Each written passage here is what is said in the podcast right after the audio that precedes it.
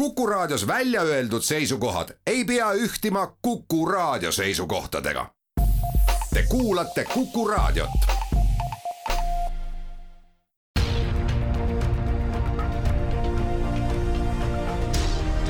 uue samba taga. sammaste taha aitab vaadata sajaaastane eestikeelne rahvusülikool tere, tänase saatega läheme välismaale ja võib-olla tuleme ka sealt tagasi, võib-olla sellepärast, et me võtame teadur Terje Toomistuga kõneks siis meie noorte valikud, miks nad välismaale lähevad, kui kauaks nad lähevad ja mis saab kaalukeeleks siis, kui on uus otsustamise aeg käes, kas tulla tagasi või mitte tulla küsimuse esitab Madis Ligi. kui pikk see projekt on, kus te seda teemat uurite? see projekt on äh, Tartu Ülikooli etnoloogia osakonnas, see on Postimehe fondi Noor Eesti grandi poolt rahastatud minu järeldoktori projekt ja kus ma tõepoolest vaatan siis äh, noorte rännet laiemalt, isegi mitte ainult äh, kõrgharidusrändele keskendunult, vaid ka üldisemalt, kes on siis niinimetatud Y-põlvkond, ehk siis inimesed, kes said täiskasvanuks pärast seda, kui Eesti oli liitunud Euroopa Liiduga ja mil hüppeliselt kasvasid võimalused minna välismaale töötama või õppima erinevate programmide raames, aga siis ka Euroopa Liidu tööjõu vaba liikumise kontekstis suurenesid väga palju, suurenesid võimalused minna erinevatesse riikidesse tööle või, või niisama seiklema fookus on, on lihtsalt selline vanuse või põlvkondlik käitumismuster, sest tõesti selle põlvkonna puhul võimalused minna välismaale kasvasid väga hüppeliselt ja ja mitte ainult siis seoses õppimisvõimalustega või siis tööjõuvaba liikumise mõttes, vaid ka see, et, et avanes väga palju odavlennuliine ja üldiselt kogu maailmas tegelikult selline mobiilne elustiil muutus uueks normiks vähemalt siis priviligeeritumate inimgruppide puhul. kui paljusid te suudate selle projektiga haarata? see on interdistsiplinaarne projekt, et kuigi minu nii-öelda kodudistsipliin on antropoloogia, siis äh, on see projekt äh, päris olulises mahus ka sotsioloogiline, meil oli kvantitatiivne äh, veebiküsitlus, millele vastas üle kahe tuhande inimese, kes on elanud viimase kümne aasta jooksul vähemalt ühe aasta mõnes välisriigis vastajatest kaks kolmandikku on jätkuvalt välismaal, üks kolmandik oli, oli tagasi tulnud. Ja lisaks sellele me oleme teinud üle viiekümne intervjuu inimestega, sealhulgas osad intervjuud olid siis näost näkku filmikaamera äh, vahendusel äh, ja, ja siis selle projekti käigus valmis ka dokumentaalfilm Põlvkond piiri taga. Ning lisaks me viisime läbi ka loovuurimuse, mille raames me palusime välismaal elavatel inimestel, samamoodi siis see noorem vanusegrupp, filmida ja pildistada oma igapäevast äh, elukeskkonda. et selles mõttes ta on hästi interdistsiplinaarne, et ühelt poolt selline kvantitatiivne sotsioloogiline andmeanalüüs, teiselt poolt siis antropoloogilised intervjuud ja siis kolmandalt poolt ka siis see visuaalantropoloogiline aspekt ilmselt gloobus keerleb ja me võime küllalt sageli ta siis kinni pidada selleks, et märkida ära ristikestega need kohad, kus meie kallid kaasmaalased on töötanud või töötavad, on õppinud või õpivad. No ikkagi selline number üks sihtkoht jätkuvalt on, on Ühendkuningriigid, Inglismaa, et muidugi see, see natuke on muutumas seoses Brexitiga, aga ta jätkuvalt domineerib, aga seal kohe lähedal on, on teised Lääne-Euroopa riigid nagu Saksamaa, Holland, Taani ja, ja siis mõnevõrra vähem minnakse Põhja-Ameerikasse, aga näiteks üks oluline sihtkoht on ka Austraalia. Ning loomulikult äh, on, on Soome jätkuvalt ka ikkagi selline populaarne sihtkoht aga meie oma uurimusprojektis Soome rändele eraldi tähelepanu ei pööranud, kuna see on nii spetsiifiline, et see eristub, eristub teistest riikidest ikkagi nii geograafilistel, kultuurilistel põhjustel äh, väga tugevalt ja seda on ka teised uurijad äh, juba, juba uurinud, et meie vaatame laiemalt siis rännet, äh, aga põhiliselt tõesti idast läände aga see üks aasta oli selline nii-öelda ajanorm, et lühemaks kui läheb üheks semestriks või poolaastaks, see teile veel huvi ei paku, vaid aasta on ikkagi paslik? Me tegime möönduse selles suhtes, et kui see aasta oli ka näiteks õppeaasta, et siis inimene võis küsitlusele vastata, aga tõesti sellised neljakuused Erasmuse vahet, üliõpilase vahetused, et et see on meie, noh, leidsime, et see on liiga lühike aeg, et sellist dilemmat, et kas pöörduda tagasi või jääda, mis tegelikult on selle projekti fookuseks, et mis siis mõjutab seda elukoha valikut konkreetses situatsioonis, et sellepärast me jätsime need päris lühikesed rännakud tõesti kõrvale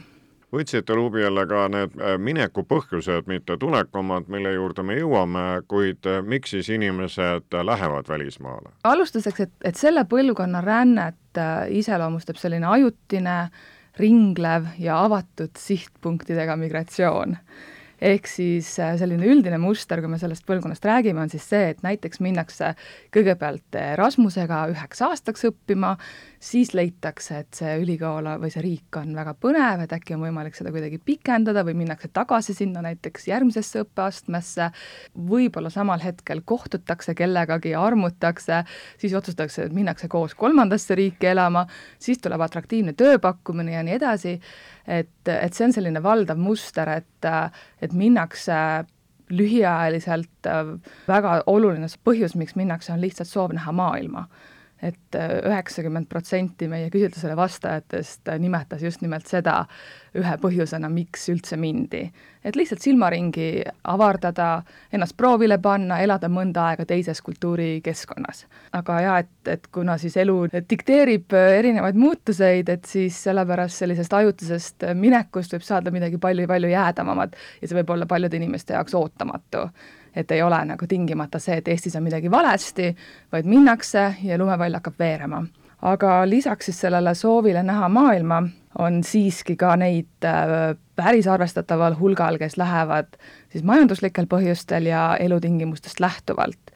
ehk siis äh, paremad palgad välisriikides, paremad elutingimused, et, et seda ei saa ikkagi eirata, et see siiski on päris paljudele inimestele oluline aga seejärel äh, tulevad ka isiklikud põhjused, et seesama olukord, et kui keegi tutvub reisil kellegagi või tutvub äh, välisülikoolis kellegagi,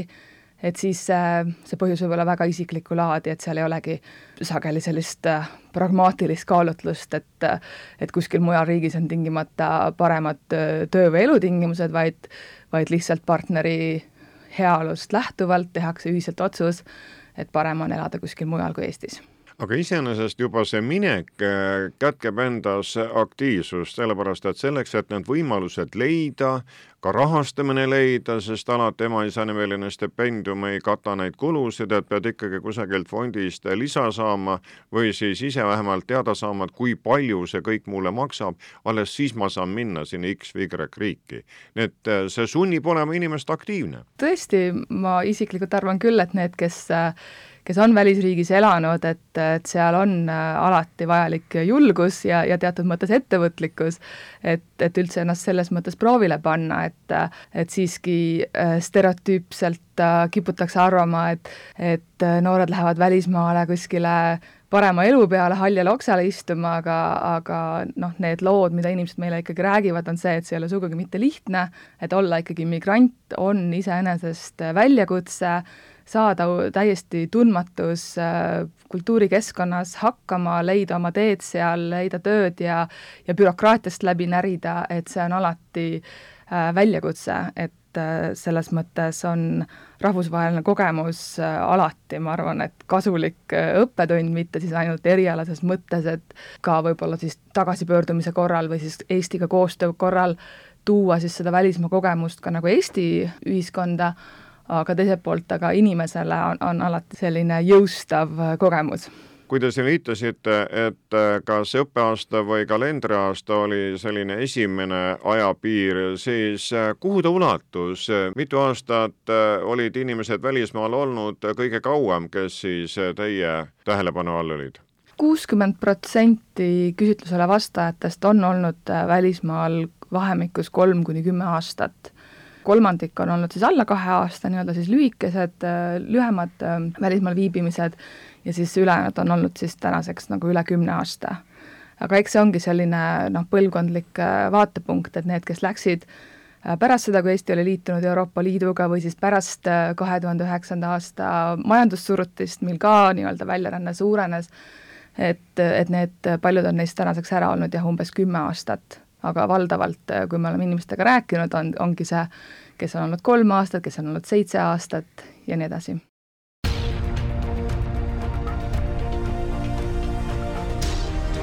uue samba taga.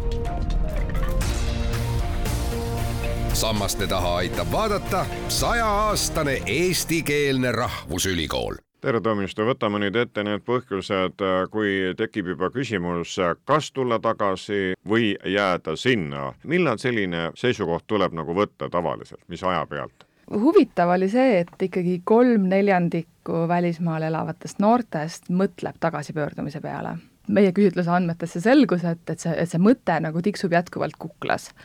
Et, et nagu ma enne juba kirjeldasin, et, et see algne motiiv sageli ei ole see, et ma nüüd lähengi Eestist päriselt ära, vaid ma lähen mõneks ajaks teise kohta elama ja siis avastatakse kümme aastat hiljem, et oih, vahepeal on kümme aastat mööda läinud, sest et lumepall on lihtsalt niimoodi edasi veerenud, et et ei ole tekkinud seda momenti, et tagasi tulla. aga noh, kui nüüd analüüsida siis seda, et, et mis siis seda tagasipöördumist mõjutab,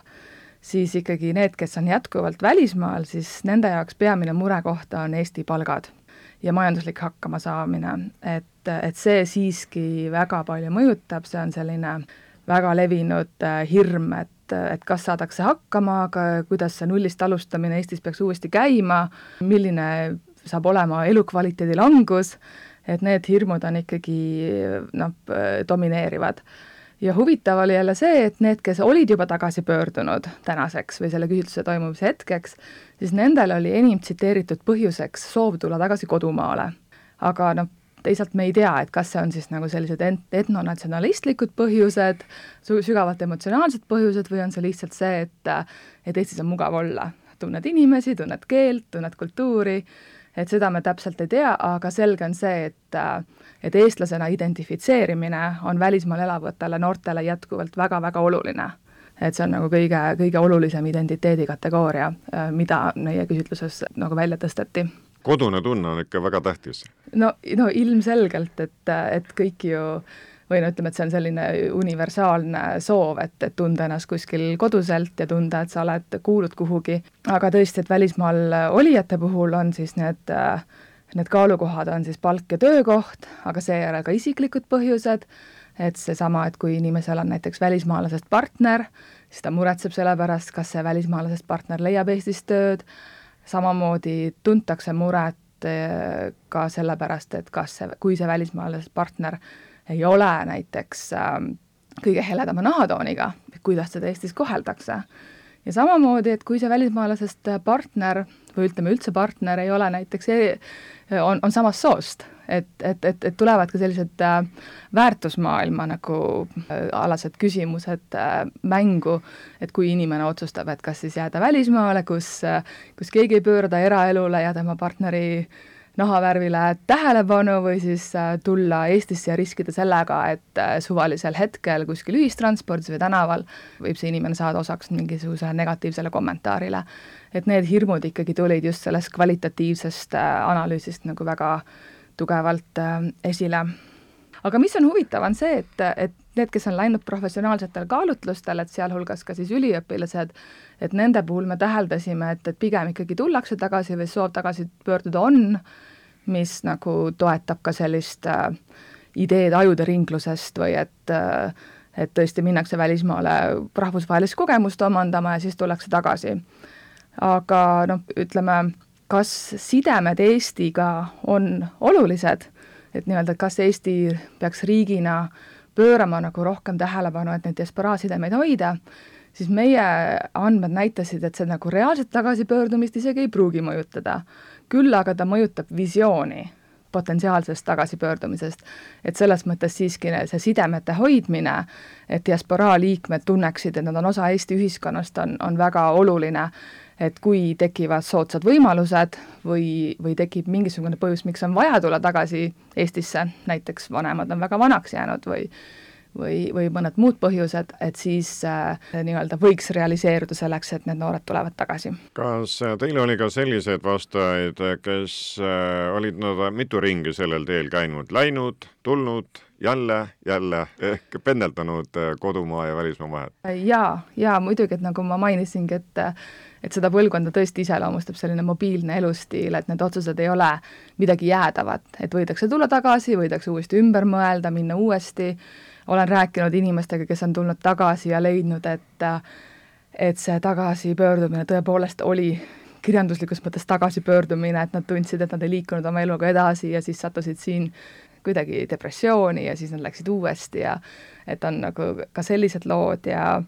ja teiselt poolt, kui tuledki siia ja, ja leiad, et sa, et, et sa kuidagi ei leia oma kohta või ei lähe nii hästi, siis võidakse uuesti minna. et muidugi sellist ringlevat äh, liikumist on, on päris palju ka selle põlvkonna puhul. kas ja kui palju töötab see Talendid koju kutse? no see Talendid koju, see oli Eesti Kaubandus-Tööstuskoja poolt läbi viidud äh, projekt, äh, mis toimis aastal kaks tuhat kümme kuni kaks tuhat kaksteist ja noh, selle raames naasis Eestisse kakskümmend seitse inimest ja samas äh, selle projekti raames äh, internetikeskkonda jätsid oma andmed umbes tuhat inimest. ja siit ongi huvitav äh, mõttekäik edasi, et, et, et mida pidid need tuhat inimest, kes ei, kes ei kuulunud selle kahekümne seitsme väljavalitu hulka, et mida nemad pidid tundma, et kas nemad siis ei ole tagasi oodatud või kas nemad ei ole piisavalt talendikad või kes üldse on see talent, kes on tagasi oodatud. et Äh, osade inimeste hulgast ikkagi peegeldus tagasi ka selline noh, selline nördimus, et, äh, et ühelt poolt ju on olnud ka õhus selline mugavuspagulase diskursus, et, et minnakse välismaale kuskile haljale oksale ennast mugavat elu otsima ja teiselt poolt on siis see, et tagasi oodatud on ainult talendid, aga samas need, kes on ikkagi välja läinud, et äh, tihti nad ei ole tipp, tippspetsialistid, nad on tavalised inimesed, nad teevad oma tavalist tööd keskmise palga eest, et, et kas nemad siis ei olegi tagasi Eestisse oodatud. et võib ka küsida, et äkki see selline kampaania sõnastus tegi hoopis sellele noortele diasporaa liikmetele karuteene aga nagu te algul juba viitasite, et kolmveerand nendest noortest, kes siis välismaale on läinud õppima või töötama, mõtlevad äh, kohe tagasipöördumise peale. küsimus on siis, millal see samm astuda? no just, me ei tea täpselt, millal nad sellele mõtlevad, aga vähemalt küsitlusele vastamise hetkel äh, ilmnes jah see, et tõesti väga paljud nii-öelda jätkuvalt mõtlevad tagasipöördumise peale, et see ja noh, seda tuli ka intervjuudest välja, et selline kahes ühiskonnas osalemine, et sa võib-olla Facebookis, meedias, äh, internetimaailmas oled nagu jätkuvalt Eestis, kuigi sa füüsiliselt elad kuskil mujal, äh, lennureis on lühike äh, ja noh, mis tuli ka välja, et ikkagi selle põlvkonna seas tõesti nad, nad käivad keskmiselt kaks korda aastas Eestis, et tõesti, nad käivad väga palju siin mitte ainult oma vanemaid vaatamas, vaid sageli ka näiteks hambaarsti juures. et, et need sidemed siiski on väga tihedad ja, ja et noh, lennuvõimalused äh, vähemalt praeguseni on, on võimaldanud sellist äh, ka füüsilist sidemete hoidmist ja mõned lausa soovivad panustada, et nad soovivadki, et, et Eesti ühiskond võtaks neid ka osana Eesti ühiskonnast, vaatamata sellele, et nende püsiv kodu või füüsiline asukoht on parajasti kuskil mujal nüüd äh, olete kogu selle uuringumaterjali läbi töötanud, otsad kokku tõmmanud või on veel midagi analüüsida? meil on materjali tõesti väga palju, et et mitmed nagu artiklite mõtted on jätkuvalt õhus, et mida kõike lihtsalt võiks veel kirjutada, mida ei ole jõudnud kirjutada, et avaldamisruumi oleks siin päris palju ja aga mida me tõesti loodame, on see, et me saame sellest, kogu sellest projektist kirjutada eestikeelse raamatu, et tõesti jääks selline füüsiline paberraamatust loetav märk maha kõikidest nendest andmetest ja nende inimeste lugudest. varasemalt ei ole just nagu selle põlvkonna rändele sellisel kujul tähelepanu pööratud ja meile küll paistis väga selgelt välja, et et noorte jaoks on oluline, et nende kogemusele tähelepanu pööratakse just nimelt sel samal põhjusel, et nad pigem tahavad tunda ennast osana Eesti ühiskonnast, vaatamata oma füüsilisele asukohale. Ja see on ka see põlvkond, mis loob ju Eesti diasporaa tulevikku, olgu siis kas ta tagasipöördunult Eestis oma rahvusvahelise kogemuse ja rahvusvaheliste perekondadega võib-olla, või siis äh, läbi koostöösidemete, aga igal juhul on nad need, kes järgmised kakskümmend, kolmkümmend aastat veel loovad seda eestlust äh, globaalsel tasandil. aitäh teile, etnoloogiateadur Terje Toomistu, saatejuht oli Madis Ligi.